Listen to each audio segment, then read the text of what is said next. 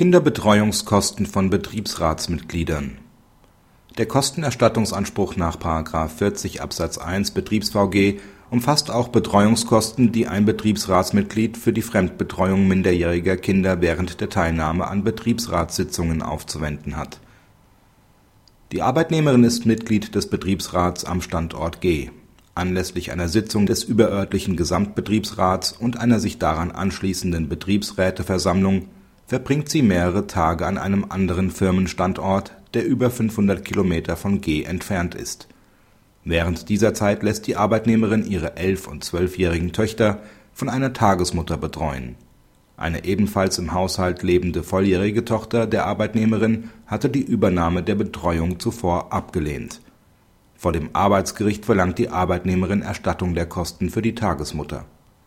Das BAG gibt der Arbeitnehmerin Recht der Kostenerstattungsanspruch folgt aus § 40 Absatz 1 BetriebsVG unter Berücksichtigung der besonderen verfassungsrechtlichen Wertentscheidungen des Artikel 6 Absatz 2 Satz 1 Grundgesetz. Grundsätzlich hat der Arbeitgeber einzelnen Betriebsratsmitgliedern Aufwendungen in erforderlichem Umfang zu ersetzen. Voraussetzung ist, dass die betroffenen Aufwendungen gerade durch die Betriebsratstätigkeit entstanden sind Dazu können auch Kosten gehören, die einem Betriebsratsmitglied dadurch entstehen, dass die Wahrnehmung einer Betriebsratstätigkeit mit der Erfüllung einer persönlichen Pflicht kollidiert und der Betroffene zur Lösung dieser Pflichtkollision finanzielle Mittel aufwenden muss. Andererseits besteht kein Anspruch auf Erstattung von Kosten, die dem Bereich der persönlichen Lebensführung zuzuordnen sind.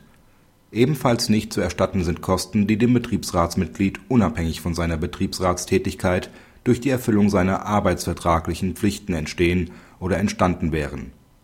Kollidiert die Pflicht zur Erfüllung betriebsverfassungsrechtlicher Aufgaben mit der elterlichen Pflicht zur Pflege und Betreuung minderjähriger Kinder, ist die grundlegende Wertentscheidung des Artikel 6 Absatz 2 Satz 1 Grundgesetz zu beachten. Aus der grundrechtlichen Verankerung des Elternrechts ergibt sich die Verpflichtung des Staates, die Kinderbetreuung in der jeweils von den Eltern gewählten Form zu ermöglichen und zu fördern diese verfassungsrechtliche Wertentscheidung ist auch bei der Auslegung und Anwendung von § 40 Absatz 1 BetriebsVG zu beachten. Dies führt dazu, dass ein Betriebsratsmitglied vom Arbeitgeber in angemessener Höhe die Erstattung von Aufwendungen für die Fremdbetreuung minderjähriger Kinder verlangen kann, wenn es die Pflichtenkollision zwischen seinen Betriebsratsaufgaben und den Elternpflichten nicht in zumutbarer Weise anders lösen kann in Zeiten, in denen das Betriebsratsmitglied zur Arbeitsleistung verpflichtet wäre, kann es einen entsprechenden Ersatz dagegen nicht verlangen. Im vorliegenden Fall war die Aufwendung der geltend gemachten Kosten erforderlich und angemessen.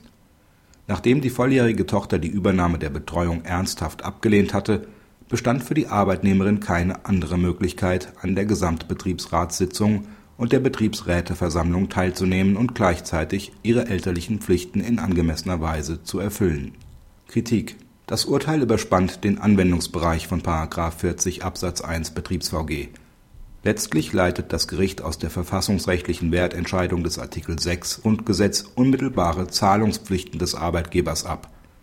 Wenn diese Überlegung richtig wäre, müsste ein Erstattungsanspruch nicht nur für Betriebsratsmitglieder, sondern auch für andere Arbeitnehmer bestehen, die in Erfüllung ihrer arbeitsrechtlichen Pflichten zusätzliche Aufwendungen für den Familienunterhalt zu tätigen haben Letztlich ist doch nicht die Betriebsratstätigkeit, sondern das Arbeitsverhältnis der entscheidende Auslöser dafür, dass Beschäftigte gegebenenfalls gezwungen sind, sich an einem anderen Ort als ihrem Wohnort aufzuhalten.